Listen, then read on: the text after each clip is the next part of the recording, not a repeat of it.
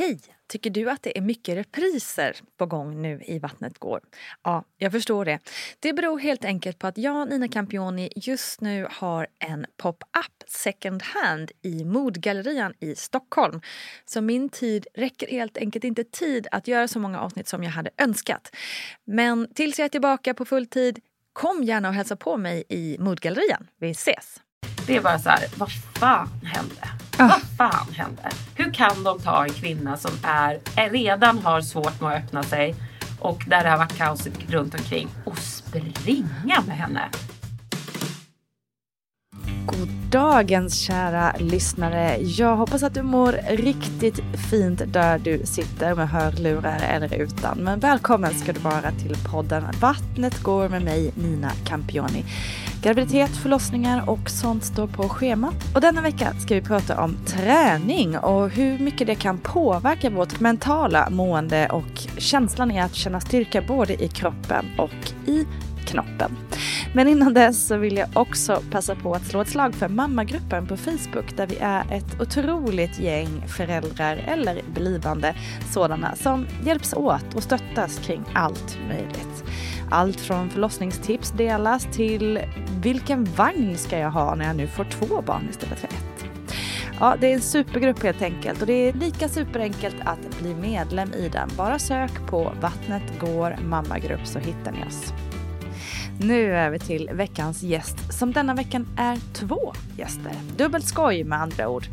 Karin Bülow Orje är journalist och författare och Courtney Landin är PT med expertis just för den gravida kroppen och för tiden efter. Och tillsammans som duo har de släppt två böcker, Gravidstyrka och Mammas styrka. Så nu blir det absolut snack om träning. Men inte bara, för det bjuds också på tre olika förlossningsberättelser och mycket snack om det mentala måendet. Varmt välkomna allihop!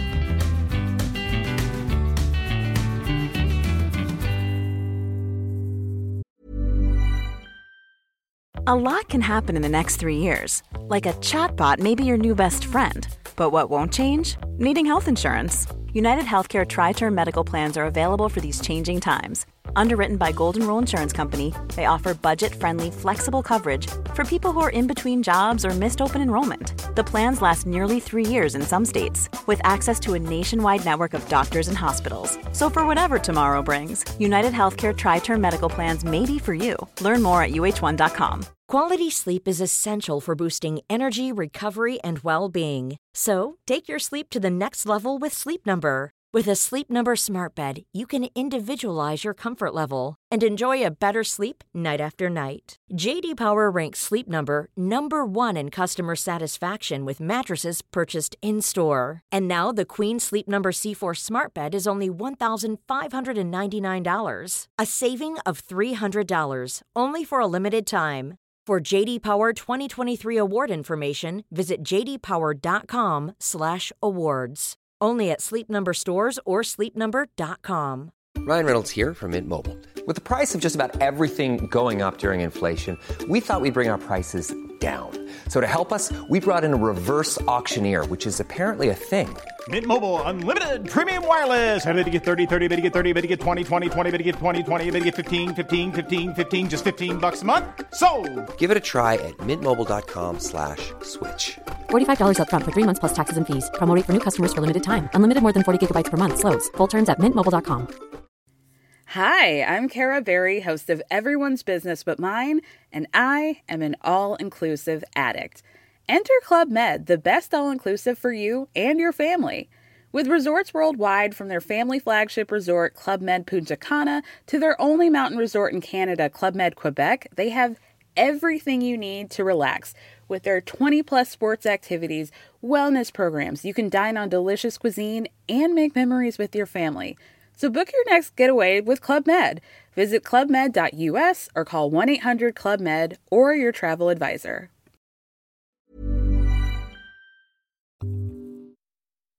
Okej, eh, I dagens podd har jag alltså två gäster med mig och det är extra kul tycker jag. Eh, för er lyssnare så ska ni eh, få veta att vi kommer inledningsvis prata lite om Karins resa och sen hur hon kom i kontakt då med Courtney kommer längre fram. Så Courtney, eh, sorry you had to hold on a little bit. no worries, no worries. Okej Karin, hur, eh, hur såg du på det här med familjeliv, att bli förälder och sådär? Oh, jag hade nog höga förväntningar, tror jag, på hur jag skulle liksom bara flowa in i mödraskapet tror jag.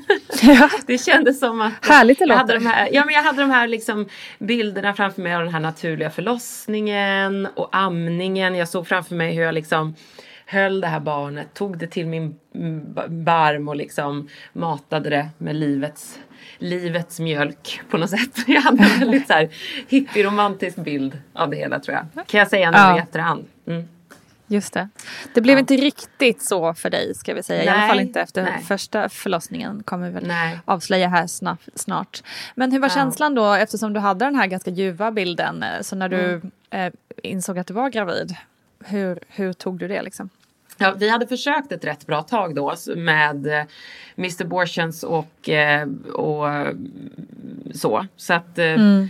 det var ju en enorm glädje när fostret väl fäste och vi mm. fick lov att, behålla en bebis och, och bli föräldrar. Så att vi var ju båda jätte, jätte glada liksom och, och en stor, stor lycka. Förutom att jag hade mm. extremt sånt här gravidillamående. Så att det, det var okay. ju det, det, var inte så rolig första tid av graviditeten. Men eh, sen gav det med sig och jag kunde liksom vara i den här glädjen. Det var väldigt lite oro och väldigt mycket glädje när, när eh, liksom jag hade passerat vecka 16, 17, 18 någonstans där. Ja, vad skönt. För det känns mm. ändå som att det är en röd tråd annars när man har försökt länge också just att den där oron är svår att släppa taget om liksom. Mm. Ja, men inte, nej, jag var bara så här, nu händer det. Ja. ja, ja, ja. Du, hur såg du på förlossningen då liksom? Med, med tanke på att allt annat var ganska ljuvt runt omkring. Liksom, hur, ja. Hur var ja, tankarna nej, på den? Jag pratade med min mamma som har haft för tre barn och um, hon hade ju gjort det Eh, i stort sett utan smärtlindring och sen utan en av mina bästa vänner. Hon berättade om sina förlossningar och hur hon körde utan smärtlindring och, och jag har haft många kompisar som har haft väldigt lätta förlossningar eller allt, allt, jag vill alltid gardera mig och säga Alltså hallå, inga förlossningar är lätta. Men, men de hade i alla fall haft förlossningar som fortlöpte som de skulle och inte mm. stagnerade och inte, inte krävde liksom, interventioner och så. Mm. Men ehm, men, så jag inspirerades av det liksom. Och vi gick på någon profylaxkurs och jag fick klämma någon isbit i, i handflatan. Jag tycker det här är så fnissigt i efterhand. Men jag fick klämma en isbit i handflatan som då skulle vara som, kännas som att ta en verk. För att is i handflatan ska tydligen vara liksom, åh vad ont det gör. Och jag kommer ihåg att hon sa till mig, hon som höll i det där, oj oj oj det här kommer du hantera bra för du hanterar den här isbiten i handflatan. och i efterhand så har jag bara känt så här, jag vill ta den här isbiten och kasta den på henne för en verk. Det har ingenting med en isbit i handflatan att göra. Ja, nej så det, det, det låter som ja. ett hån nästan. Ja, jag tycker faktiskt det. Jag fattar ingenting i efterhand varför den där isbiten skulle representera liksom hur jag skulle hantera smärtan vid, vid verkar. Ja. Spännande alltså. Känner jag ja. att jag mm. måste testa det. Uh, och sätta ja, bara snälla, för att se hur det. Känns. Så kan du jämföra det sen. Jämföra. mm. Åh oh, herregud. Ja, ja men mm. så då var du ändå rätt så liksom stärkt i att det här kommer ju, det här kommer ju gå toppen liksom. Gud ja, alltså jag kände mig jättetrygg och, och stabil inför mm. vad som komma skulle. Mm. Mm. Eh, och nu vill jag bara så här, för lyssnarna, nu kanske ni känner att vi, vi eh, spurtar igenom din story här först, men det är mest för att vi har, dels har ja. vi flera barn att gå igenom här idag. Och ja, dels, tre stycken jag. Exakt, och Courtney har ett. Eh, och dels så, så ska vi också snacka lite välmående och träning. Eh, så, att vi, så att vi spurtar lite eh, i tiden här. Ni får, de, ni får DMa mig sen om ni har liksom mer ingående frågor. Exakt, om ni vill veta mer av isbiten till exempel. ja. Ja. Du, eh, ta oss med till, till dagen när det drog igång. Eh, ja, eh, jag började känna lite mensvärk sådär. Det var en, sommar, en tryckande het sommardag 2017 när det var sån här värmebölja sommar. Eh, ehm, och eh, jag kände hur det började lite sådär molande. Vi åkte och badade för att man hade fått tipset om att så här, inte bara fokusera på det utan ta det lugnt och bara ha det gött så länge du kan. Liksom.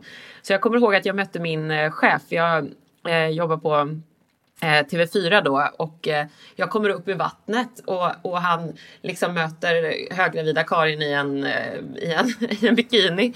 Och att stå inför sin chef i bikini är någorlunda konstigt. Och sen så bara frågar han, hur är det? Hej, hur är det? Och jag bara, jag har verkar. så jag bara stod där och liksom, det blev en så himla konstig situation och han bara Jaha, ja, ja, lycka till då. Så här, jag bara, ja tack så mycket. Ja, världens konstigaste möte. Vi har fnissat åt det så här några år efterhand. Att jag, jag bara står där och bekänner mina innersta, innersta saker för honom. Men, eh, men Han var sen ändå vi cool hem med liksom så- att ja. här, ja men eh, jag går väl vidare då. liksom. Ja, nej, men han blev lite ställd. Han blev lite ställd. Han har ju barn själv, så, men det var ändå lite så här, vad gör du här? Liksom, på stranden. Ja, men det var, en hel, det var liksom en del i det där som jag trodde, hur jag trodde och tänkte att jag ville att det skulle gå till när jag skulle föda. Att allting skulle bara vara så här naturligt. Naturbarn liksom som åker och badar. Ehm, men eh, sen så, för att göra det hela långa väldigt kort, så kan man väl säga att eh, det inte riktigt blev som jag hade tänkt utan eh, jag, jag har lärt mig nu efter tre barn att jag får väldigt starka verkar väldigt tidigt. Ehm, så min latensfas är enormt utdragen och väldigt smärtsam. Det gör lika ont när jag är tre centimeter öppen som när jag är nio centimeter Ah, öppen. shit. Ehm, ja, så att eh, det är, vi trodde ganska snart därefter att jag skulle föda. Så vi ringer till förlossningen och jag har liksom sådär täta verkar. ehm, och väldigt smärtsamma verkar och de säger kom hit.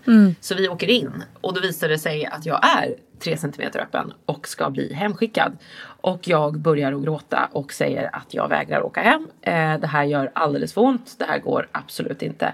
Samtidigt som jag då ville ha en naturlig förlossning så jag sa ju nej till liksom eh, smärtlindring av olika slag.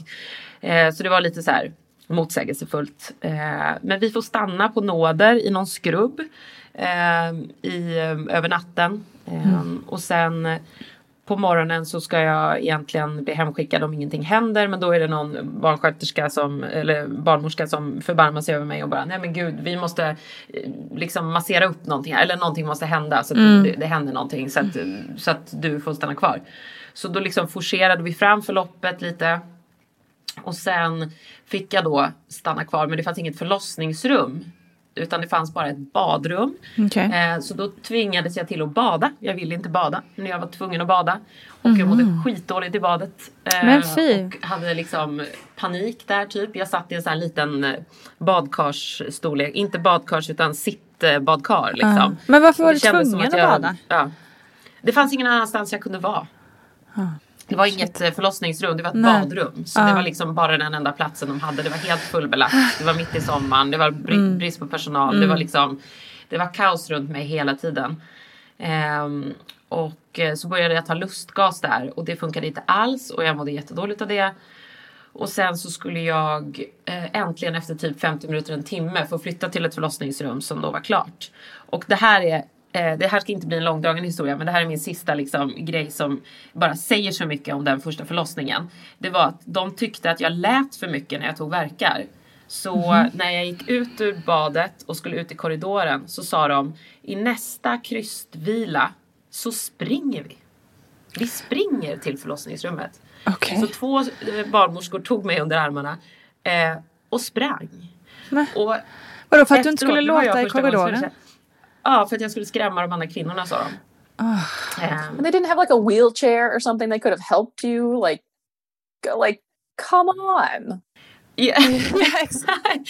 I know. I know. Ja men det här är så kort. Det här är ju liksom, jag vet att du har hört det här förut men det är så I sjukt. know. och det, it's, det, I know. det är liksom, And every ja, time det- it's like, ja. oh my god. Nej men det är bara så sinnessjukt och jag kunde ingenting om förlossningar då. Men allt jag har lärt mig efteråt genom att skriva böcker och poddar och liksom allt möjligt. Det är bara så här, vad fan hände? Ah. Vad fan hände? Hur kan de ta en kvinna som är, är redan har svårt med att öppna sig och där det har varit kaos runt omkring och springa med henne? Nej men jag är Eh, helt så att, chockad, helt eh, mållös. Ja, ja. nej men det, Alltså- det är liksom jag har ju förlikat mig med det här så jag pratar om det lite sådär som att det är en annan det händer. Ja. Liksom. Alltså jag har ju, det är ju mitt barn som jag födde då är ju fem år gammalt nu så Mm. jag har ju liksom bearbetat det här. Men, men eh, det slutade i alla fall med att mina verkar stannade upp och Mm. att Det eh, så det blev ett akut snitt eh, till slut. Då. Eh, herregud. så min, min son förlöstes med kejsarsnitt, eh, akut sådant och sen så var det tyvärr helg på sjukhuset så att man fick inte vara tillsammans med sitt barn när man hade förlösts. Så att jag separerades från min lilla bebis direkt vid snittet. Jag fick aldrig hålla i honom. Och eh, de visade bara upp honom för mig framför ögonen och sen så såg inte jag honom på fem timmar. Eh, Fan, utan jag låg ensam alltså. på ett uppvak. Ja, det är bara allt som kunde gå fel gick ju fel liksom. Mm. Så då, det där också ledde till att eh, jag i- aldrig fick igång amningen. Mm. Ehm, så istället för den här, ni kan ju tänka er kontrasten. Om man, Mm. Det kanske var naivt av mig, men att gå in i den här känslan av liksom man är moder jord på något sätt. Alltså man ska bara så här, man ska bara lyssna, följa kroppen, föda ut det här barnet, amma det här barnet, bara liksom vara den här lejonhonan typ som jag ville vara. Som den här tydliga liksom mamman där jag kände också en väldigt tydlig så här, riktning av vem jag kanske skulle bli som förälder. Det blev helt tvärtom. Det blev en icke-amning och ett snitt liksom. Så att eh, jag, jag, jag kan ju säga att flera år efter det här har jag lidit av, av liksom någon typ av posttraumatisk stress. Så att jag har ju inte, inte, inte, inte mått bra Nej. efteråt. Och jag säger det med lite skratt i röstet för att, för att det är ju så dråpligt på något sätt. Men eh, ja, så det, det, det fick jättelångtgående konsekvenser för mitt psykiska mående. Allt som hände kring, eh, kring den här förlossningen. Fan man blir eh, som sagt mållös och så himla ledsen att det ska behöva vara, bli så med tanke på att det också är så här eh, det egentligen, alltså det, det är bara så konstiga grejer som händer. Bara liksom, eller yttre saker. Liksom. Det är ju en sak tänker jag om det är något fysiologiskt som, som mm, liksom, det blir fel eller blir snett eller s- så. Eh, då är det lite som det är. Men när det är så här yttre saker som, som stressen på sjukhusen, underbemanningen, överbeläggningen. Alltså det är så jävligt, det är inte, det är inte värdigt Sverige liksom. Nej. Det är så Nej, är det. Det är fruktansvärt ju- dåligt. Och efter det här så har man ju uppmärksammats ännu mer på det i och med barnmorskeupproret. Och, och man förstår ju deras position att de, de vill ju inte ha det så här. Liksom. Det är ju så här kvinnor som kämpar varje dag för att ge eh, andra kvinnor en värd, värdiga förlossningar så att, eh, och säkra förlossningar. Men, eh, ja, men det här är tyvärr ett exempel på det. Och så slutar det ju alltid, men det gick ju bra. för Jag har Exakt. ett friskt barn Just och jag det. lever. så, men, men i mitt lilla liv Men hur liksom, sargad blir man, så, liksom? så, så har det spelat roll. Såklart. Yes. Fick du någon hjälp efter med det mentala och sådär? Från Eh, nej, men jag var så chockad så att jag förstod inte ens vad som Nej. hade hänt. Så att jag, jag kommer ihåg att när eh, hon som förlöste mig eh, eh, med snittet då, hon kom in morgonen därpå, läkaren, och frågade om jag ville anmäla sjukhuset. Eh, och jag var så här, va? Nej! Nej, allt är så bra. Och nej, nej, nej, nej, nej, nej, jag ger den en fyra av en femma min förlossning. Alltså jag var helt i liksom chocktillstånd. Så att det, det tog ju mig kanske, ja men en- två, tre år att ens förstå hur, hur illa, illa det var. Liksom. Exakt. Det är därför det också är så himla eh, komiskt är fel ord, men den här skalan och den här att man ska betygsätta sin förlossning en, ett, ett dygn efter man har gått Mm. igenom den. Det blir ju aldrig ärligt. Det är omöjligt. Och så ska man ge det till den som har hjälpt till, stöttat den i, för, liksom, när man födde också. Som man står i tacksamhetsskuld till också väldigt mycket. Mm. Eh, alltså det är så jävla snett. Så det är inte konstigt att liksom, regionerna får sin fina statistik över att kvinnorna är så nöjda med förlossningsvården. Eh, Nej, det verkligen inte. Man är ju så skör och så, också så lycklig över att ha fått barnet. Ja, så det är ju liksom, och som du eh, säger, vi Det lever. borde ju ske liksom. på återbesöket hos, Ja. eh, hos eh, Exakt. eh, mödravården. Exakt. Där, Precis. ja. Och får jag fråga, apropå då efter. Mm. återbesöket, var det någon, n- något som snappades upp där på återbesöket? Hur, hur du mådde Mm. och, och sådär? Nej, Nej. nej, nej. Nej, du ser. nej. Det är sjukt svårt att snappa upp det här med förlossningsdepressioner och, eh, Mm. och trauman, eh, tyvärr. Ja. Eh, både, både, det är både svårt för att vi, vi kvinnor är också så ganska bra på att liksom bita ihop och Mm. eh, Jag tror jag var i rätt survival mode Ja. när, när jag väl var på det där med, mm, besöket. Liksom. Precis, men det är också Det det, bara- att bara vi att inte riktigt har liksom i alla, i alla lägen rätt utbildning att snappa upp också. Ehm, Nej, så det är också en precis. viktig, viktig poäng.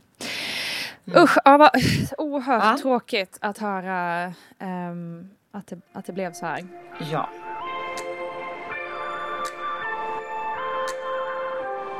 Hur eh, gick du vidare sen liksom? Du sa ju att, eh, att ehm, det här har Ja. levt med dig länge naturligtvis. Men vad... Mm. vad... Nej, men, nej men alltså gick vidare, ja man är ju den man är liksom och man Mm. har ju den personlighet man är. Så för mig var det ju, jag ska ha ett till barn. Mm.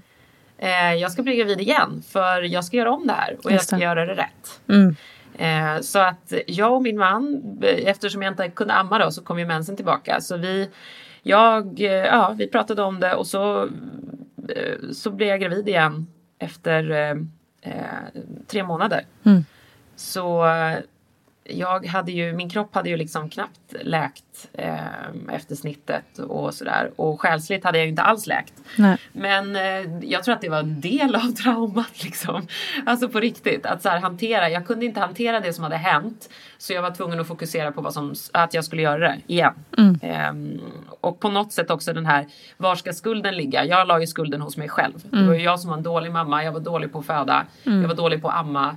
Ehm, jag hade varit dum och naiv och korkad som inte hade förberett mig mer. Alltså allting låg ju på mig. Just det. Och då tänkte jag att den enda som kan fixa det här det är ju jag. Mm. Skriva Ehm. om historien liksom. Precis, ja. Så då blev jag gravid igen. Och då insåg ju jag att herregud, när illamåendet eh, slog till. Och det var inte lika illa för att jag hade ju knappt blivit av med gravidhormonerna. Så att, eh, för man har ju dem även efter förlossningen kvar en stund. Och jag, eh, eh, kroppen var så van. Så den hade liksom anpassat sig till de här nivåerna. Så att jag, jag fick faktiskt inte lika illa. Jag var i illamående men inte alls som eh, med första och tredje barnet. Ehm, och inte heller som med eh, Mr Borchens och sådär när jag tidigare har gått igenom eh, illamåendet.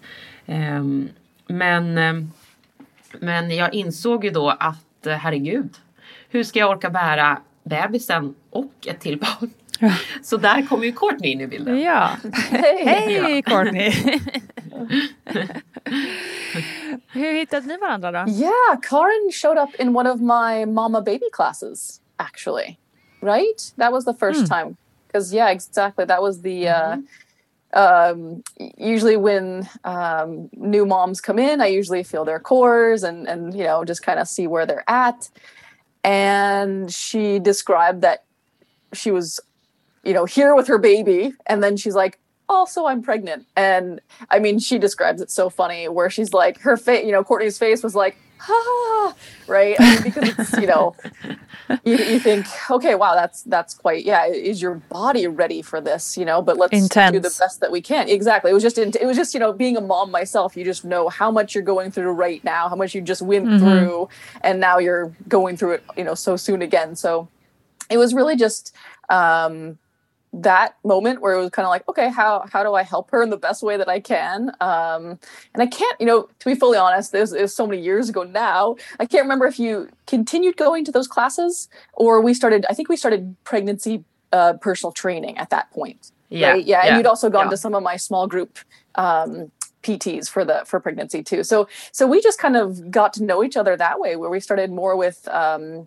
with PT and and and talking a, a lot more. And you know, the focus was getting her as strong as possible, you know, during this pregnancy and to prepare for birth. Um, because yeah, I had I had known her s- story. Um, So yeah, that was our focus, and I think it went very well. Um, I know she was extremely strong, um, very strong-willed and determined to make make her body as strong as possible and mind as strong as strong as possible. We talked about that a lot, um, and I do understand like the whole like the the whole ice cube thing. I think it was just explained wrong to you, you know.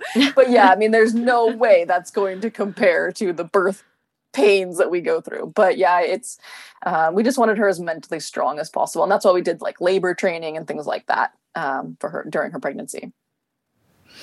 Så Karin, hur, hur påverkade dina träningstimmar med Courtney dig? Ja men alltså det, den mentala biten var ju jätteviktig. Sen förstår jag så här i efterhand att man kan träna fysiskt inför en förlossning, vilket jag gjorde väldigt liksom eh, bestämt tillsammans med Courtney. Eh, och man kan liksom visualisera och ha andningsövningar och göra allt sånt som vi också gjorde. Eh, men man kan inte träna bort en förlossningsvård i kris. Och det tycker jag är så att inte skulden, alltså eh, så att man inte tror när man lyssnar på det här att så här, okej, ja men det är ditt ansvar då att vara fysiskt stark, mentalt stark för att du ska kunna boxa dig igenom eller djupandas igenom den här, liksom en överbelastning på sjukhuset. Det går inte. Det är liksom, och, och där har jag ju landat nu efter så många år att så här, ja Karin, lilla Karin känner jag när jag var så här, för att det är så många år sedan så här, ja där skulle du bli stark ja, och där skulle du bli mentalt stark ja, för att du skulle klara av att föda. Alltså jag, jag tycker också synd om mig själv lite grann när jag hör det. Eh, samtidigt som det hade en sån enorm positiv effekt. Alltså det var, alltså träningen med Courtney gav så himla himla mycket. Den, den, den stärkte mig fysiskt och den gjorde så att jag kände att det här med förlossning kanske skulle bli eh, möjligt för min del. Eh, jag gick också parallellt i eh, Aurora-samtal på sjukhuset, Okej. sådana här förlossningsförberedande. Ja. För att eh, min psykiska ohälsa snappades ju upp på nästa, alltså när jag gick På och MVC. besökte barnmorska för nästa, på MVC för nästa barn liksom. Så där blev det ju tydligt att jag var eh, extremt förlossningsrädd. Eh, för jag hade ju då, jag har ju den här diagnosen, man får ju sån här sekundär förlossningsrädsla. Eh, för att jag hade ju inte det när jag skulle föda mitt första barn utan det Just har ju det. att göra med, ett, med en händelse, med ett trauma som jag haft liksom. Eh, så parallellt med att jag gick i de här Aurora-samtalen så hade jag den här fysiska liksom, utvecklingen med Courtney. Och det, och det, jag tränade ju ända fram till, till eh, födseln och vi, bilderna i, ja, det här mynnade ut i en bok då, Gravidstyrka tillsammans. Och bilderna i Gravidstyrka är tagna i, jag tror vecka, är det vecka 39? Yeah, we, we, we were we were like on the wire of getting all Yeah. the pictures done. We were, to say the least, a bit stressed about it. but we did it. ja. Vi ska gå in eh, lite mer på träningen om en sekund bara, eh, Courtney. Jag tänkte bara först Karin där när du eh, berättade att de snappade upp eh, ditt eh, psykiska mående på MVC. Var, det- var det du som specifikt uttryckte det, gav tydligt liksom, uttryck för det Ja. eller var det något annat Ja. som gjorde att, ja. Nej, det var, det var jag. Jag hade börjat förstå att det var en bebis som växte i mig och att eh, den här, eh, det som hände sommaren innan skulle hända igen. Alltså den här liksom eh, kaxiga så här, ah, nu ska jag göra revansch och du vet eh, alltihopa. Det, det bleknade ju i samband med att min mage växte. Just det. Ehm, och att jag började förstå att eh, bebisen som eh, ligger där i ska ut. Hör ni på babycallen Ja. här att det ligger en liten, det Ja. ligger en liten bebis och, och mjum, mjum, mjum, mjummar. Jag ska gå och hämta henne så får hon vara med i podden. Gör det. Vänta lite. Ja. Hej. Kan prata lite med dig så länge Courtney. Sounds good. Uh, so let's say I'm pregnant and I wanna, you know, build build up my body to make it strong enough to to one carry the weight of course but also uh, be prepared for the delivery uh, what is like a good way to to do that like what what is it going to the gym is it taking walks is it like what what would you suggest well um we know like in general training uh, is good for the body. So building up muscles, like we know that now. Just any at any stage of your life, it's good mm-hmm. to be building muscle. It doesn't mean like you're big and bulk, bulky. It just means like you're you're being strong, and so that is a really big part of pregnancy training is actually building the strength because yeah your body is going to be carrying extra weight. Uh, just what was it on tuesday uh, when, in one of my pregnancy groups someone was like my heels are killing me because she's like i've mm. never been this heavy before in my whole life you know? My legs are are tired from walking upstairs. So it's so important to be able to have your legs uh, back core uh, shoulders the, all of those be really strong so that you can handle the changes that your body is going through. So yeah, mm. in, in, my opinion, I mean, yoga's great, walking's great, swimming's amazing, but we have to add in that strength component too. Mm. So is that also uh, like lifting weights or could it be just doing squats in the living room or you know yeah you can you can pretty much whatever is going to make your muscles work hard so if it's either body okay. weight workouts if it's using uh, training bands um, weights, machines. I mean, it doesn't it doesn't matter. There's mm. no one right way to train. It all that matters is that you're using your muscles and you're making them strong. I mean, in our book, we we don't. I think we used a kettlebell, maybe some free weights, and then most of it's like bands, um, mm. so that people can do it from home if they really wanted to. Um, so yeah, honestly, it doesn't matter. The only thing that matters is that you're building your muscles. Uh, and is there something that you shouldn't do when you're pregnant when it comes to you training? Know, this is such a tricky question because it really comes down to such individual uh, people. Um, because, you know, nowadays, you know, the answer used to be so easy. Just, I mean, even just 10, 15 years ago, where it was like, just, you know, avoid this and, and everyone yeah, avoided yeah. it. And then now mm-hmm. we're seeing women do CrossFit. We're seeing women ride uh, horses. We're seeing women mm. mountain like they're climbing. I mean, like I think the picture has changed now. Uh, I, I was asked, you know, can I still go sailing this summer? Um, and it really, it really comes down to one, you know, what are you comfortable with doing safely? Mm-hmm. I mean, obviously that's the main con- main concern there is safely. But I mean, like I myself, I biked well until 20 something weeks because uh, I felt comfortable doing it um, when I was an athlete, when I look back at this now, I'm like, she was insane. And, uh, but one of the German athletes was pregnant. And we didn't all know this at the time, but she, um, she was still training and racing luge. I used to do luge for those who don't know, it's a winter sport and very high speed sport, very, you could crash very easily. Mm. Uh, Rådel, yeah. Just det. And there was one race that we were at and someone had crashed and then all of a sudden she pulls out of the race and we're like what? And then the next thing oh, she's like 20 weeks pregnant and you're just like holy oh, crap. oh man. And this was this was a long time ago i mean when i was doing this. Um but yeah it really comes down to the short answer is stay safe but you can stay within what you're comfortable doing. Mm. Ni, du, du nämnde ju också att, att det, det var såklart det fysiska men också väldigt mycket det mentala Ja. Vad var det som liksom blev, det känns lite som, nu, nu lägger jag ord i din mun här, men det känns lite det. som att det Varsågod. blev något jag, slags, jag dig göra det. något slags, slags uppvaknande, för jag tänker att det här har ju ändå mynnat ut i böcker och allting, ni är väldigt dedikerade det här ämnet. Mm, mm. Uh, vad var det liksom som klickade i dig som gjorde så här, shit det här? Um, ja men, uh, jag, jag upplevde ju, alltså jag var ju livrädd in i slutet inför förlossningen. Alltså jag satt och jag satt liksom på Aurora central och bara skakade och grät och, och, och liksom bara jag förstår inte hur det ska komma ut. Mm. Alltså det var verkligen så här, jag var helt, men jag var ju också 100% övertygad på att ett planerat snitt var ju absolut inte min väg att gå. Okay. Jag varför, vet att varför inte det? snitt funkar. Nej men snitt funkar ju, eh, alltså jag hade ju inte en upplevelse av planerat snitt. Jag hade ju ett upplevelse utav eh, mm eh, ett akutsnitt. Så för mig var ju den jämförelsen jag hade. Och jag kände ju också att snittet hade så mycket att göra med att jag inte hade en fungerande amning, att jag hade svårt att ta hand om mitt barn i början. Alltså jag, jag, jag var ju som överkörd av en lastbil efter den där operationen. Och eh, jag, ja, jag ville inte ha den starten på ett föräldraskap igen. Det, jag kände att så här kan det inte gå till. Jag måste få en annan start. Och en annan start för mig, då blir det ju att jag ska föda vaginalt. Liksom.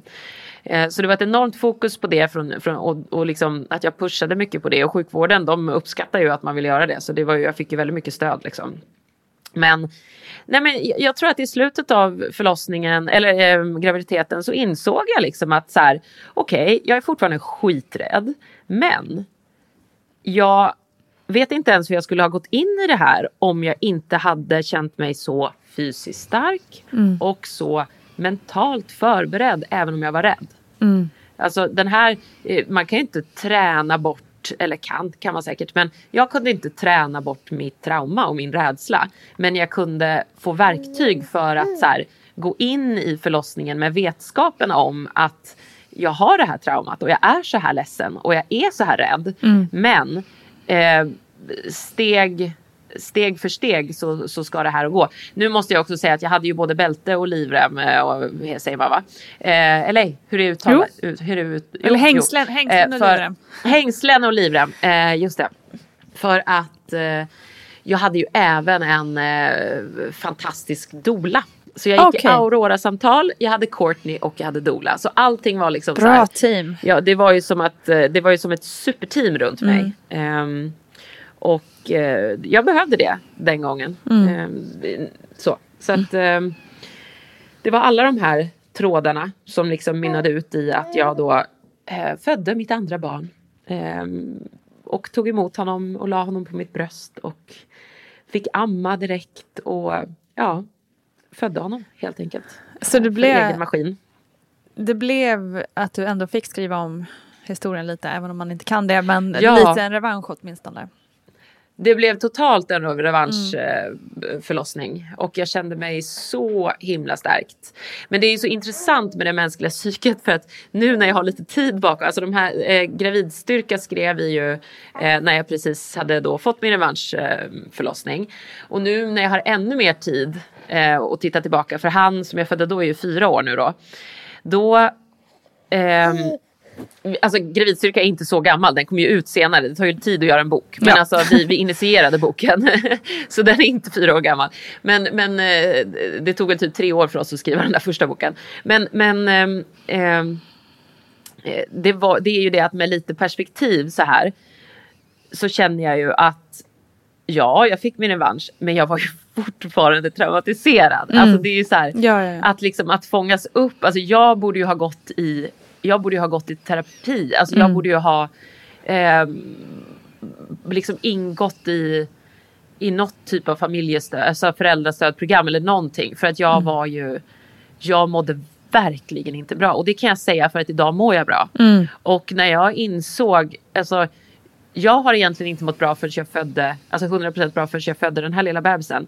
Ebba här. Ehm, så, så de senaste åtta månaderna så är det som att jag är tillbaka. Alltså det är den första gången sen jag födde mitt första barn som jag mår bra igen.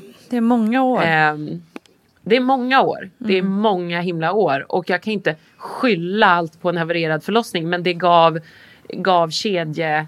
Liksom, vad säger man? Det, det satte bollen i, i rullning. Och, och det gav en massa liksom, ringar på vattnet som, som har bidragit till, ett, till en psykisk ohälsa. Liksom, Som har... Som, eh, äntligen! Ah, halleluja! så, så kan jag skratta igen och liksom skratta på riktigt. Och jag, jag är inte stressad dygnet runt. Ehm, och jag känner inte att föräldraskapet bara jagar mig som en mörk våldnad. Liksom, utan jag, kan, jag kan vara i kaoset och liksom matlagningen och städandet och, och hämtningarna och lämningarna och, bi- och jobbpendlingen utan att så här, gå under. Eh, utan att så här, hitta de här fina stunderna som jag tycker föräldraskapet mycket är. Alltså de här stunderna emellan.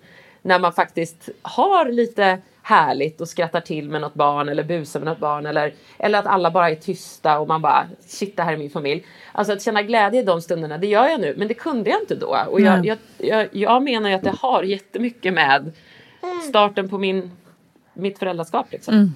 Um, så att, men hade det inte varit för träningen så vet jag inte vad jag har gjort. Alltså den har ju hållit mig, både gravidträningen och träningen efteråt och emellan förlossningar, den har ju hållit mig liksom över ytan om man säger så. Så träningen är ju bara A och O. Just det. Eh, verkligen.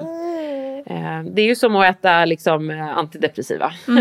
Ja, gud, Det, det är det ju. Mm. Eh, Mm. Men var det något, när du upptäckte liksom mer så här efter ditt andra barn där att shit, jag är ju verkligen liksom deprimerad och som du säger nu att du Mm. liksom kommit ur det. Gjorde du någonting mer? Alltså, gick, in, gick du i terapi eller ehm, började du något annat Nej, för att nej. komma över det? Alltså jag hade ju, nej, jag hade ju en, en nyfödd och en ettåring.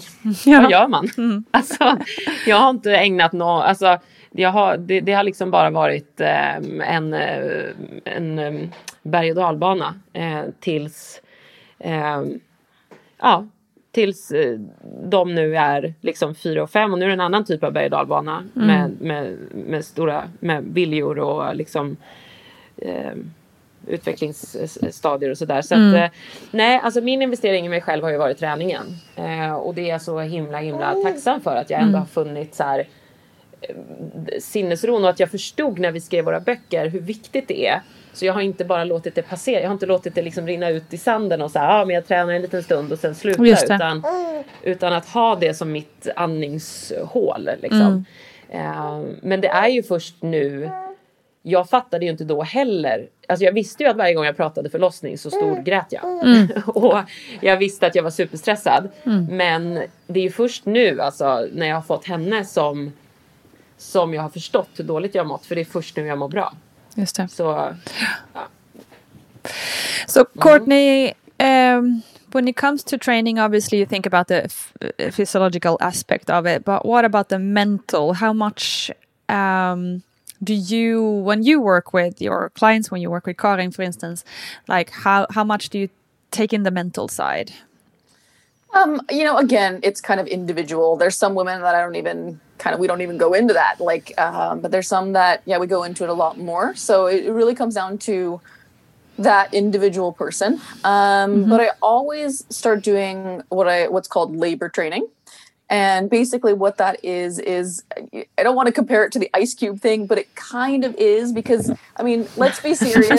Like, there's- Courtney, är inte samma grej. well, I mean, there's no way to prepare for birth. Like, there's just there's and until you're there and in that situation, like, there's really no way to prepare for birth. So, um, but what labor training does is it helps you at least get ready for that situation, so that you have the tools to kind of dig into once you're in in the situation because like i said there's there's no way in and birth can there can be things that happen that are out of your control. So what i what i work on is during like a training phase you know you're working on um doing let's say an exercise you know your heart rate's going up your muscles are hurting you know you're you're doing that and you're trying to focus on breathing through it you know mentally preparing like i can finish this i can do this it's okay relax because what happens in the body is that you know your your body kind of goes in this like oh man i need to stop this this is this hurts i need Yeah. to stop right? And mentally you're like oh this sucks i need to i'd be done.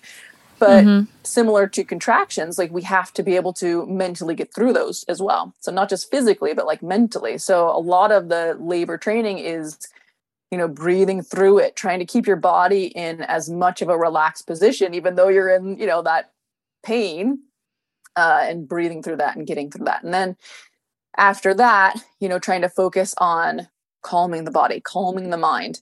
Um, so it really is kind of a, a preparation for those contraction and rest phases um, again like the ice cube it's not going to prepare you a thousand percent right but it's it's more of a tool of like okay if i can try to stay as calm as i can physically during this and mentally then it it it really does train your brain. It's, it's just like being an athlete, you know, like there's no way to prepare yourself for the Olympics. Like, but what you can do is, is pretend that you're in it as much as you can because we know like the brain is super cool. Like we live in our minds and we are able to change our our situations depending on what thoughts that we have, right?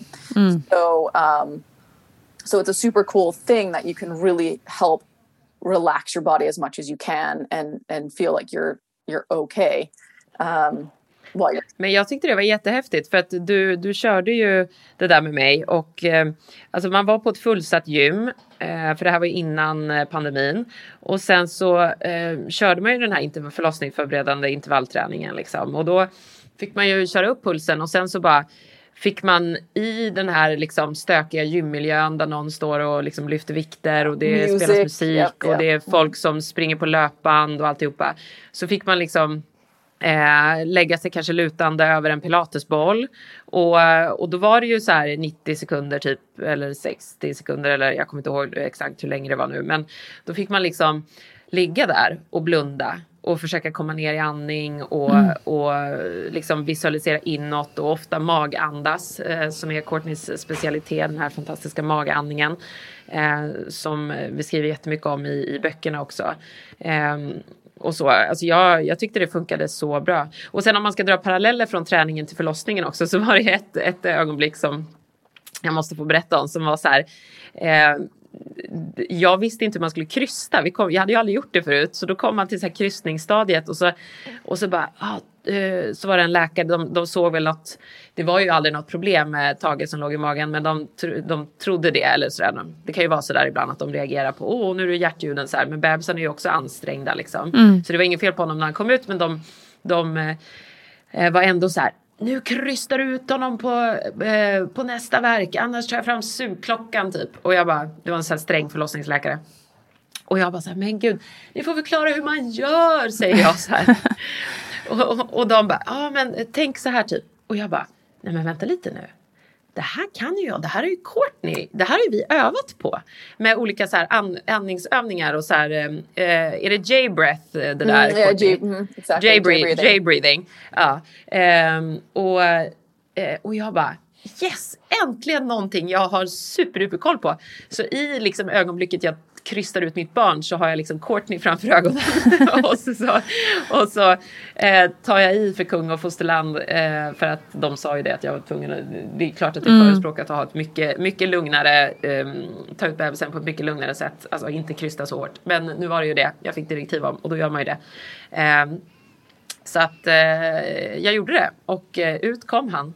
Eh, så jag tycker att det är lite, lite kul ändå hur man kan så här, nej man kan inte förbereda för en förlossning att, att liksom vården ska finnas där och man kan inte liksom förbereda men man kan ändå faktiskt förbereda liksom. Mm. Det hjälpte ju mig där. Att jag kände så här, jag är asstark i övre magmusklerna. Jag, jag kan coolt. det här, nu jäklar.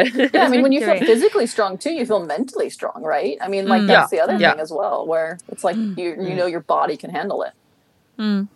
Så vad är då J-breath som du nämnde här nu? Yeah. Oh, um, okay. So G breathing is um, basically like where you're using your breath in kind of like the the shape of a J. Um, so this is where basically like because we don't want to be during the during uh, what, what's called belly breathing. Um, you know, you're using the pelvic floor to tighten, you're using the core to tighten, but you don't want to be doing that obviously during birth. Um, so you focus on J breathing, where it's where you're using your breath to kind of push out, down, and all the way through. Um, and you know, you're kind of letting baby take that same kind of path um, from the body and, and all the way out. So you're pushing, you know, think of a J. You know, you're pushing from the top of the J all the way down and kind of like finishing the breath all the way out. I don't know if I'm explaining that correct or Yeah, well, correctly, but it's easy for me because I see your hand movements at right, the same right, time. exa- yeah, yeah. so But you, yeah. you kind of think like you're squeezing out like a tube of toothpaste. You know, like from the very, very mm, top, you're squeezing it out, and like you know, everything's coming out the bottom. från, från diafragman typ. Yeah. Och mm. Courtney visar alltså händerna som ett J. Med, mm-hmm. Och då f- liksom som en skidhopparbacke typ. Mm-hmm. Tjom. Yeah, and you don't really. It's not like an eye where you kind of like stop the mm. breath. You want to almost like mm. finish the breath all the way, like up and out. You know, like get it all the way, all the way out. Um, So yeah, that's you know what I what I work on with um, with some. Uh, so yeah, and it's it seems to be very very helpful. And I'm also uh, interested in hearing your thoughts on post pregnancy training. uh, Courtney, um, how should you get back to moving your body? Yes, well, I recommend starting sooner than later. Um, that doesn't mean you're at the gym and you're training like a week afterwards, but um, you know, it's not like you're resting for six weeks. You know, a lot of the times people are hearing, "Oh, well, I, I got to wait until I get cleared." Well, mm-hmm. yes, but no. Um, very similar to you know, like everything's based off of research, and sometimes newer research takes longer to get in certain areas of medical care than others, and for some reason, like pregnancy hasn't changed. Like pregnancy care hasn't changed. It's mm-hmm. starting to luckily. Like things are changing now. But like you know just a few years ago it was more of like nope just keep resting right? Just keep resting. And, and like i said yes you need to rest your body. But nowadays like when you get a knee surgery or something they have you up moving the day of the surgery. And yeah. why are we having women rest and not move when we need to be doing the same you know movement helps circulation. So what i recommend like right away is that one they start with the belly breathing again. They're starting to activate their core. They're starting to activate the pelvic floor because like i said it helps circulation and that helps healing. So um so usually like let's say the first month you know it's not a whole lot of movement but it's some stuff you know maybe some cat and cows. If if you're familiar with yoga it's mm-hmm. you know you're on all fours and you're arching the back up and down and just moving the body a bit. Maybe you're doing 10 squats, you know, body weight squats.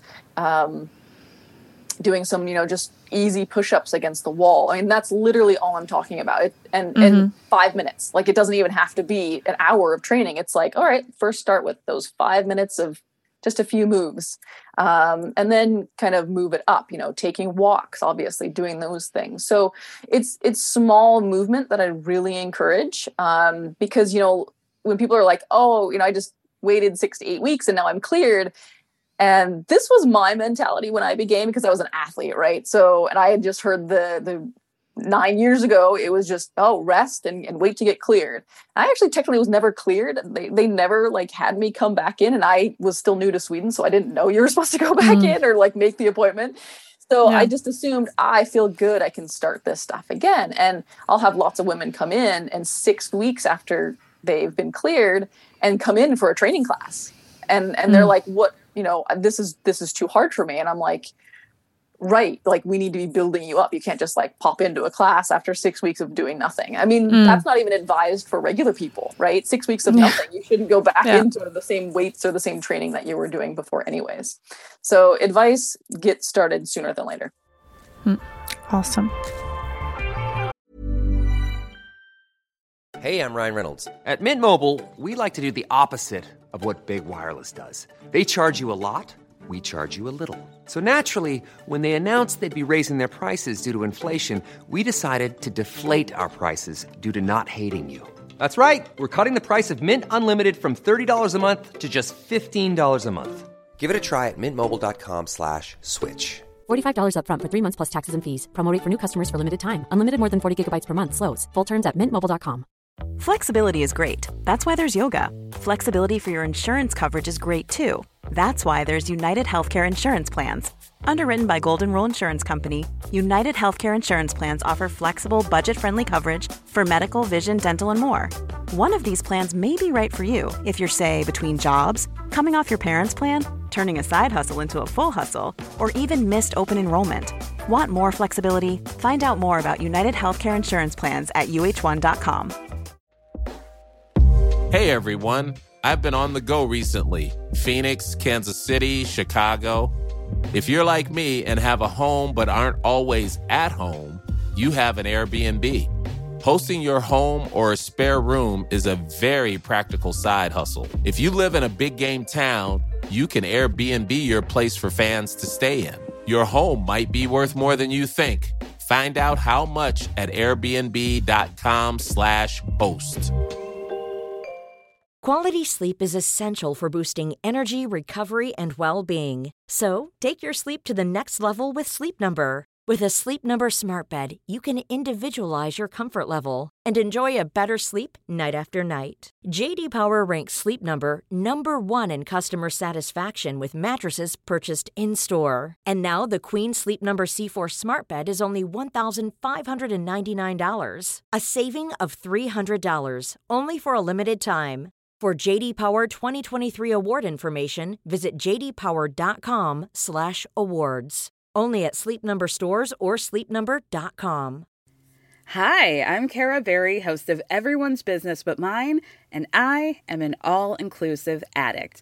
Enter Club Med, the best all inclusive for you and your family. With resorts worldwide, from their family flagship resort, Club Med Punta Cana, to their only mountain resort in Canada, Club Med Quebec, they have everything you need to relax. With their 20 plus sports activities, wellness programs, you can dine on delicious cuisine and make memories with your family. So book your next getaway with Club Med. Visit clubmed.us or call 1 800 Club Med or your travel advisor.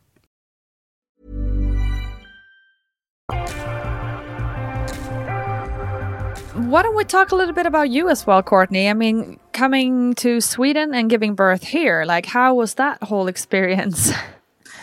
Um, I mean, I, I was very fortunate. I had a very good birth. I mean, I have nothing to compare it to. I haven't had a child in the U.S., so I don't know how the care is there. But you know, I received very good care. I was I was happy with how everything went. I mean, obviously, when you're in this situation, it was very intense.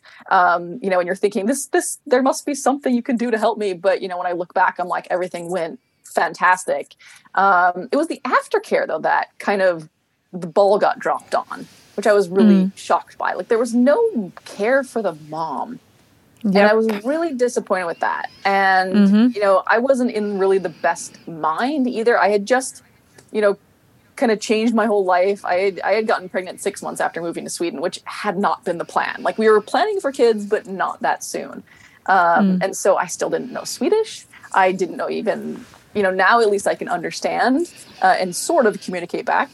But I mean, then it was like you know you're giving birth and you don't even understand what they're saying luckily they you know swedes are awesome with english but um it was it was the aftercare that i was really shocked by mm. there was there was no care for the mom like i definitely should have had like a pelvic floor physio at least checkup or something like i said mm. i never got called back to even get checked with my core i mean i knew what i was doing so i was kind of like oh yeah i'm good to go but i just thought it was weird you know and even just with my daughter like there was just no like she ended up having a food allergy and we didn't find that until mm-hmm. six months she never slept oh. like literally we had this horrible situation where she never slept i was extremely depressed i had super high anxiety i mean it was just mm. a really bad situation and mm. there was just no care for me so i was mm. really shocked by that. Even my barnmoshka she you know she was like yeah baby's crying. And i'm like not like this. Like not mm. not like this. And i even remember one time where my daughter was crying like uncontrollably for hours and i called her and i never got a phone call back. And i think back of that now and i'm just like how? Like i get people are mm. busy i get it but when you hear a mom with a crying screaming baby on the other end like and you don't even call back like i don't know. I just i guess i i think the care for moms just need to be so much better um and that's that's you know kind of the reason why I do what I do is because I just mm. I want moms to get better care and take care of themselves You are more. very much needed. Uh, yeah, det, I hope so. det här är ju ett jätte, jättestort problem uh, yeah. som vi, vi har pratat om hur många gånger som helst i den här podden att vi är så besvikna över hur mm. eh, den nyförlösta mamman behandlas. Um, det finns liksom inget program för oss. Uh, det, nej, sagt, men, nej men det är ju så, man bara släpps ju. Alltså, det är så tydligt att så länge man har bebisen i sig så är man i fokus. Ja. Och så fort bebisen har kommit ut mm. så är det så här, bebis, mm. 100% fokus och det förstår jag absolut. Mm. Men men det måste ju också finnas en, en, ett vårdansvar ja. liksom, för mamman. Exakt. Det är ju, Ja, Exakt. När det är så konstigt. I mean, it really is just more like, nope, just deal with it, get through. I mean, your child's fine, yep. be happy. And you're like, okay, we don't talk about mm. hormones that happen afterwards and, oh, you got the baby blues. And you're like, right, we, mm. right. Mm, Fourth okay. trimester. Yeah. Nej, det är uh, jättesorgligt att det, eller det är förkastligt att det är så här. Och jag vet inte riktigt vad som krävs för att få till det här, för det känns ändå som att de flesta politiker, även i regionerna, är ju medvetna om problemet. Alla barnmorskor är medvetna om problemet uh, och ändå sker liksom ingen förändring i det här. Uh, förhoppningsvis så ska ju det här programmet Min barnmorska komma ut till flera delar av, av landet. Som och jag där, var med på. Du var med på det? Var, nu senast eller? Jajamän. Jajamän. Ja, du Den här bebisen är ser. född med hjälp av eh, min barnmorska. Men- Underbara fantastiska Anna i Älvsjö. Som, eh, eh, det var magi. Alltså magi. Alltså det, jag, jag har haft den tryggaste, bästa förlossningen någonsin. Men underbart, då går vi in på det Ja. nu tycker jag. Okej. För när kände du att, eh, att du var redo att eh, bli gravid igen där? Eh, jo men, eh, nej, men jag, det var mer bara längtan efter ett tredje barn. Som, och jag fyller 40 nästa år så att jag, eh, jag, jag Mamma kom i och för sig ganska sent in i klimakteriet så jag har säkert kanske förhoppningsvis några år på mig om jag hade väntat. Men eh, nej, jag kände bara att herregud, jag måste ha tre, ett, till barn liksom. Och när ska vi hinna det och när ska det passa med livspusslet och alltihopa. Och eh, då var det min kloka granne som sa till mig, det passar aldrig med livspusslet. Det är bara att göra om ni vill ha ett tredje barn. Eh, och jag är så tacksam till henne för jag höll på så här. "Ah, kanske nästa år, kanske då och då. Så hon bara, bara gör det. Och sen så typ gick jag hem och så låg vi. Och så, och så, så det, ja, det är tack vare min granne Eva som Ebba sitter här. Bra, Ehm, tack Eva. Men bra, ja verkligen. Eh, och hon är ju som vår lilla, liksom, det är ju typ det bästa som har hänt att vi fick en tredje här. Eh, och det hänger naturligtvis ihop med den här fantastiska förlossningen också. Eh, som blev en sån superstart. Och då var jag ju med på det här, min barnmorska. Det enda som jag har då att säga om min barnmorska som inte funkade så bra för mig. Det var att eh, mm, man, det jag upplever som är bra i det vanliga liksom, systemet när man inte ingår i det här projektet. Det är ju att man har en och samma barnmorska under själva när man går hos eh, mödravården. just det. Ehm, det tyckte jag blev lite rörigt. Och- Och jag föll lite mellan stolarna. ehm, för att jag fick sån här akut järnbrist. eh, Och fick till slut intravenöst järn. För att jag, jag började få synbortfall. Och Oj. eh, var, ja, jag var dålig liksom. Så två veckor innan förlossningen så fick jag intravenöst järn. Eh, och då hade ju det inte upptäckts.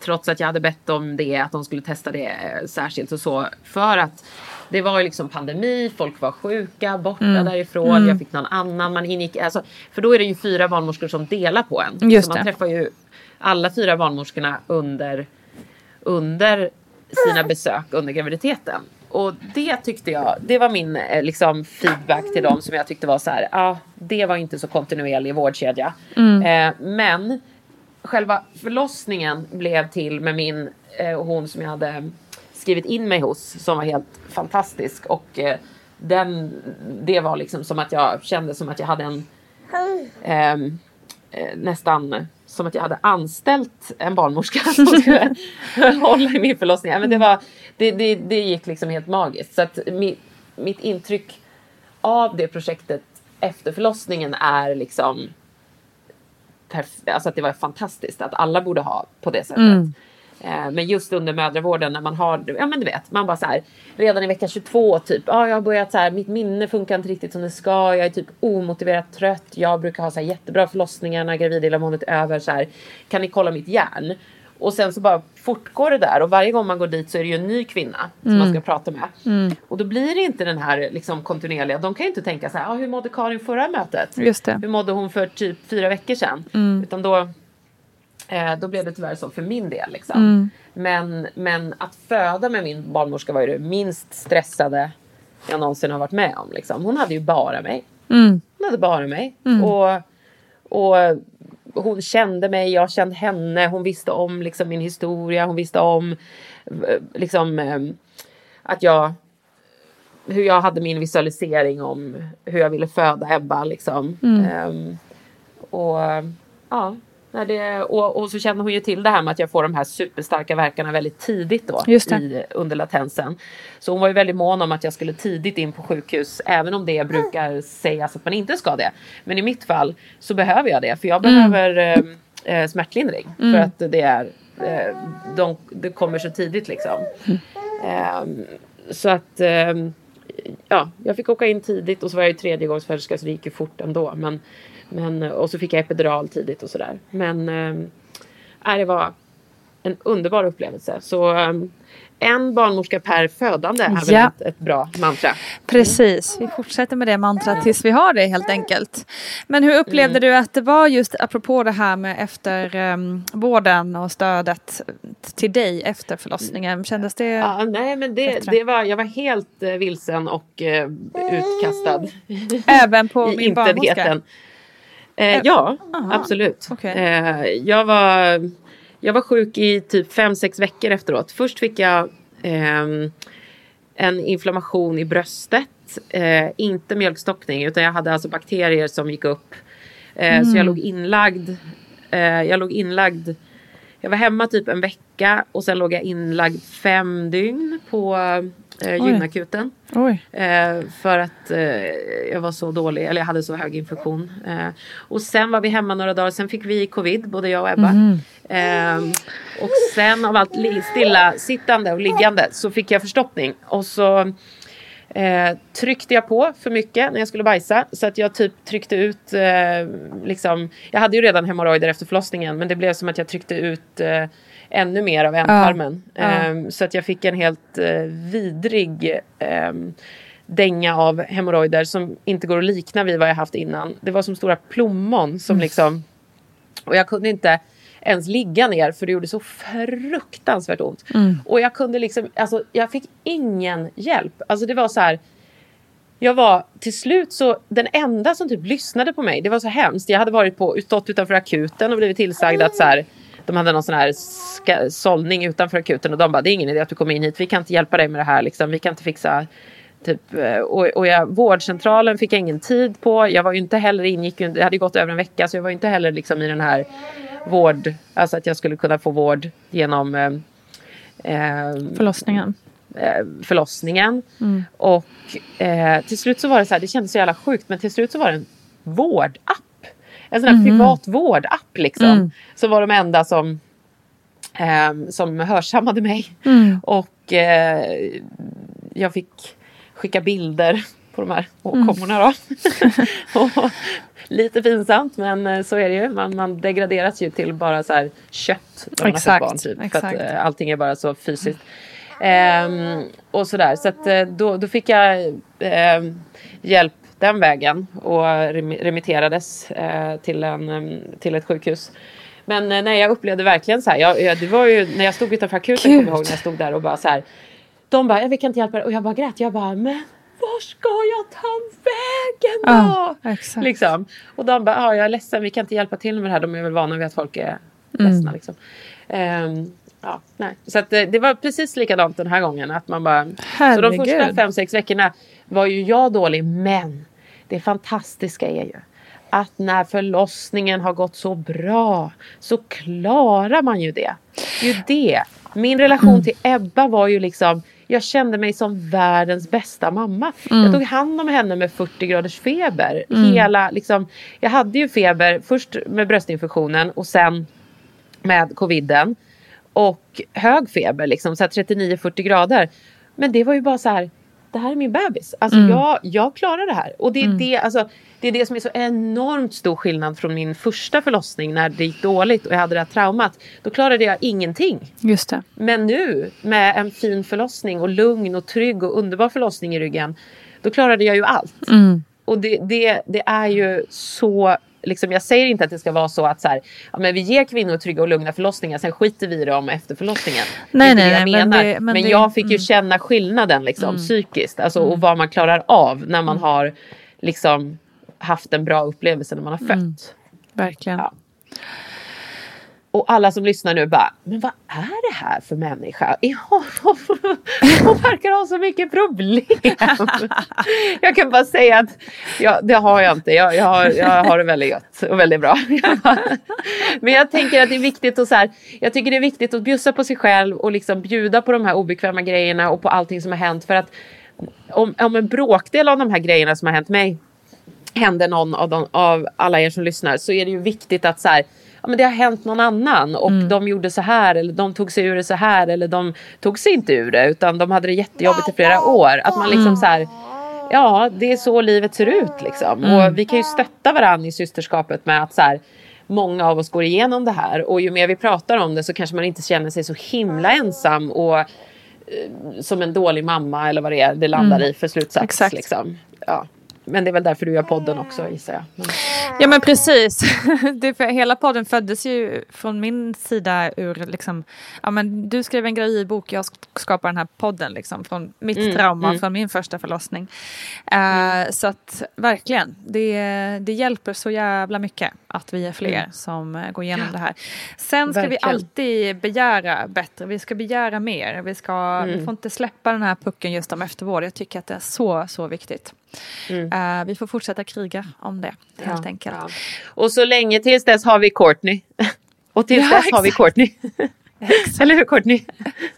Yeah, but Can, you know, can, can you take on all the women of, I in know, Sweden? right? And that's the, that's the problem is that like I've had so many people come to me and I like I hate having to say I can't help because you know when I hear all these with issues like oh we're not being taken care of and it's like when it all comes down to it it's like yeah we're all human and it's like we can't take like sometimes you're just like done at you know like you're trying to help women as best you can and like there's some days where it's like I can understand people that work in, in the medical field where it's just like they can only handle so much themselves you know they can only find so many solutions. So like I, I don't know what the solution is either for all of this and you know i i um you know i can only take so many clients too so it's like it's it's so difficult. But you know the the funny thing that you mentioned that with Con- Conan is that like I'm I'm actually trying or I am training women now um, or really professionals anyone women and men who work with women um, and I just came out with a what's called Gravid Styrka certification course. It's an online course that helps train other professionals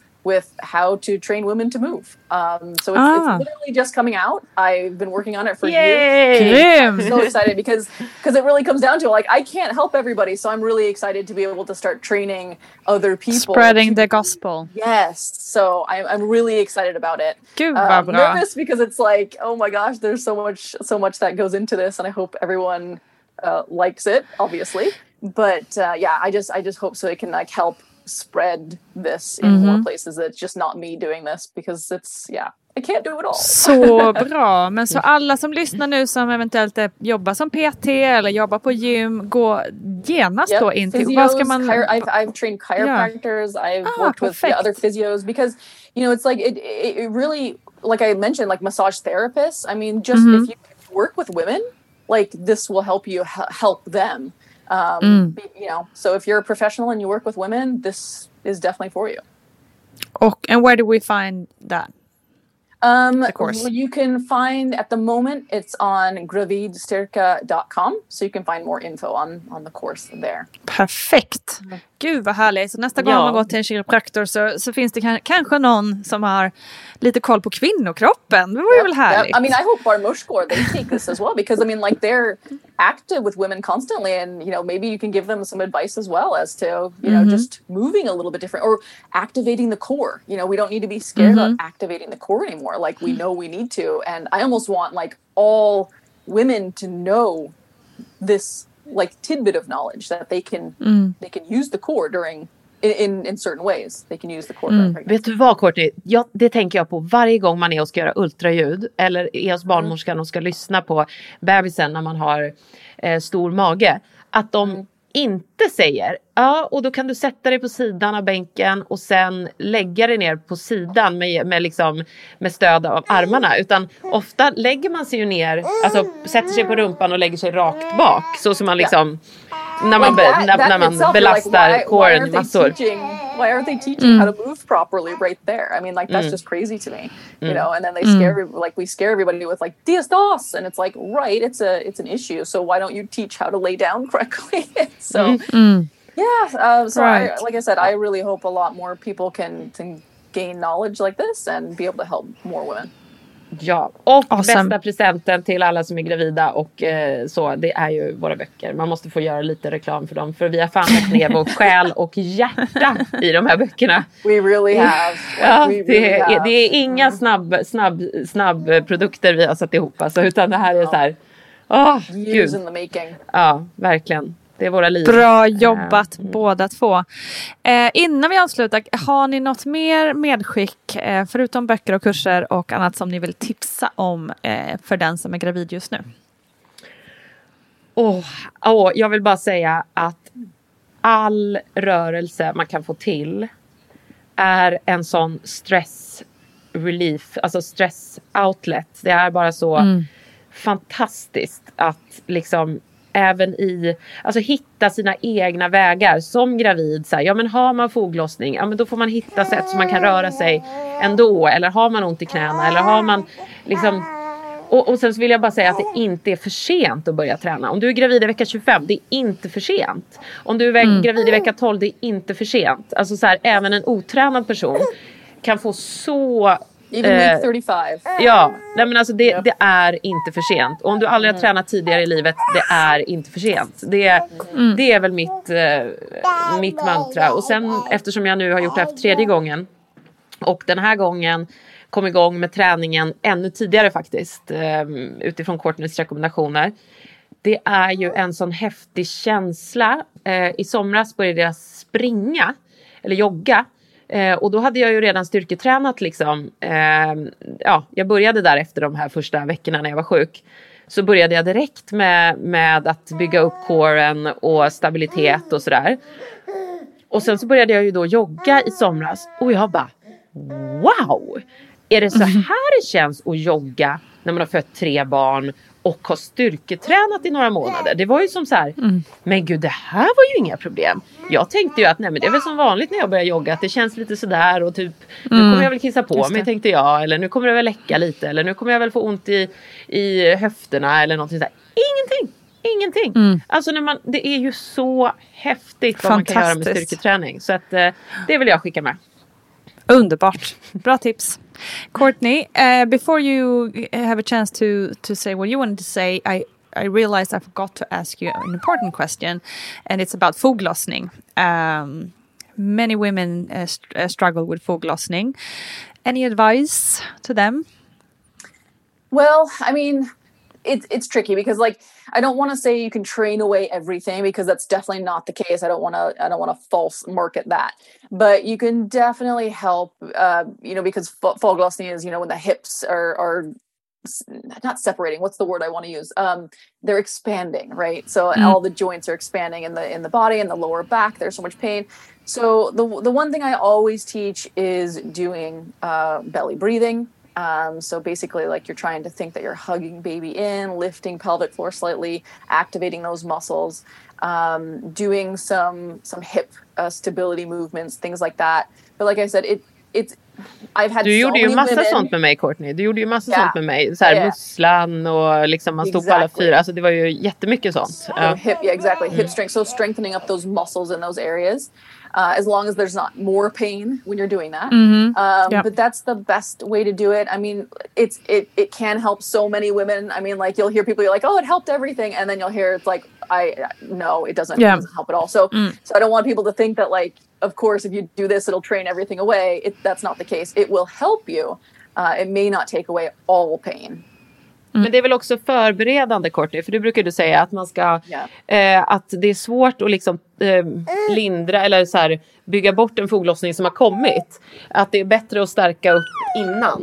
Yes, Ehm, exactly. och, och att eh, ehm, att man liksom börjar med de här höftstärkande och stabiliserande tidigt i graviditeten. Då. Nu pratade vi om att det aldrig är för sent och det är det ju inte. Men, men just när det gäller foglossning, att om man, om man bygger upp styrkan innan så blir den, kan den bli lind, lindrigare. Liksom.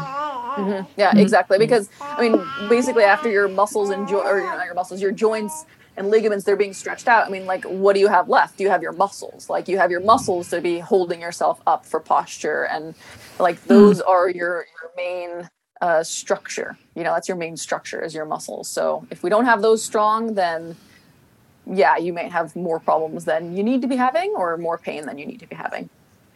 Okay. Uh, and any other last minute advice before we say goodbye for today? Um, I mean, I think Karin summed it up so well. Um, so I, I think just to tell people to move, move your body. Um, One, it's good for mental health. It's good for physical health. Um, one thing we didn't touch on is like movement, and I don't know why we don't talk about this more. Is that movement is actually really good for the baby. Like there's been research and Yeah, studies yeah. have done that if the mom is training and physically healthy, it gives your baby benefits for life like not mm. just during pregnancy but you're giving them benefits for life you're training them in the womb basically you're giving them all those good the good hormones. wow i didn't know that yeah and i don't understand like why this isn't talked about more because like to get women training more like why aren't we talking about the benefits that we're providing mm-hmm. for a child for the rest of their life um, i mean there's there's i could go on forever about this because it like it helps with the birth process. Um, you know babies when they're born this is the most stressful event in their entire lives. And mm-hmm. they've seen that once moms have been training the babies actually have um, less stress on them. They they come out better like better heart rate better breathing all that.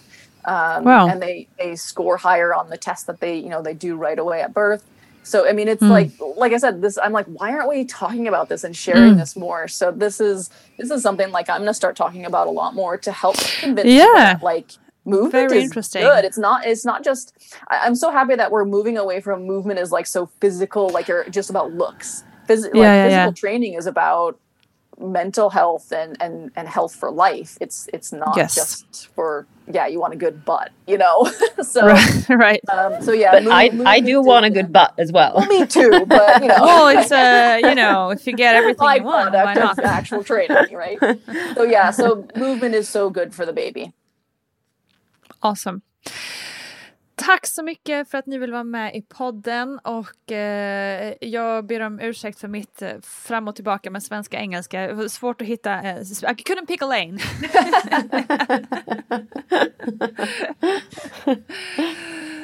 Tusen tack. Yeah, tack så jättemycket really för att vi fick komma. Tusen tack Karin Bylov Orje och Courtney Landin. Missa inte deras böcker Gravidstyrka och Mammastyrka. Och den här fantastiska duon kommer ni också snart få höra mer om i Barnet går då vi kommer fokusera på träning efter förlossning. Tack kära du lyssnare som har varit med oss idag. Det betyder så mycket ska du veta. Tipsa gärna en kompis. Vi hörs alldeles snart igen. Kram på er. Vi ses på Instagram och Facebook och allt sånt annat såklart. Hej hej!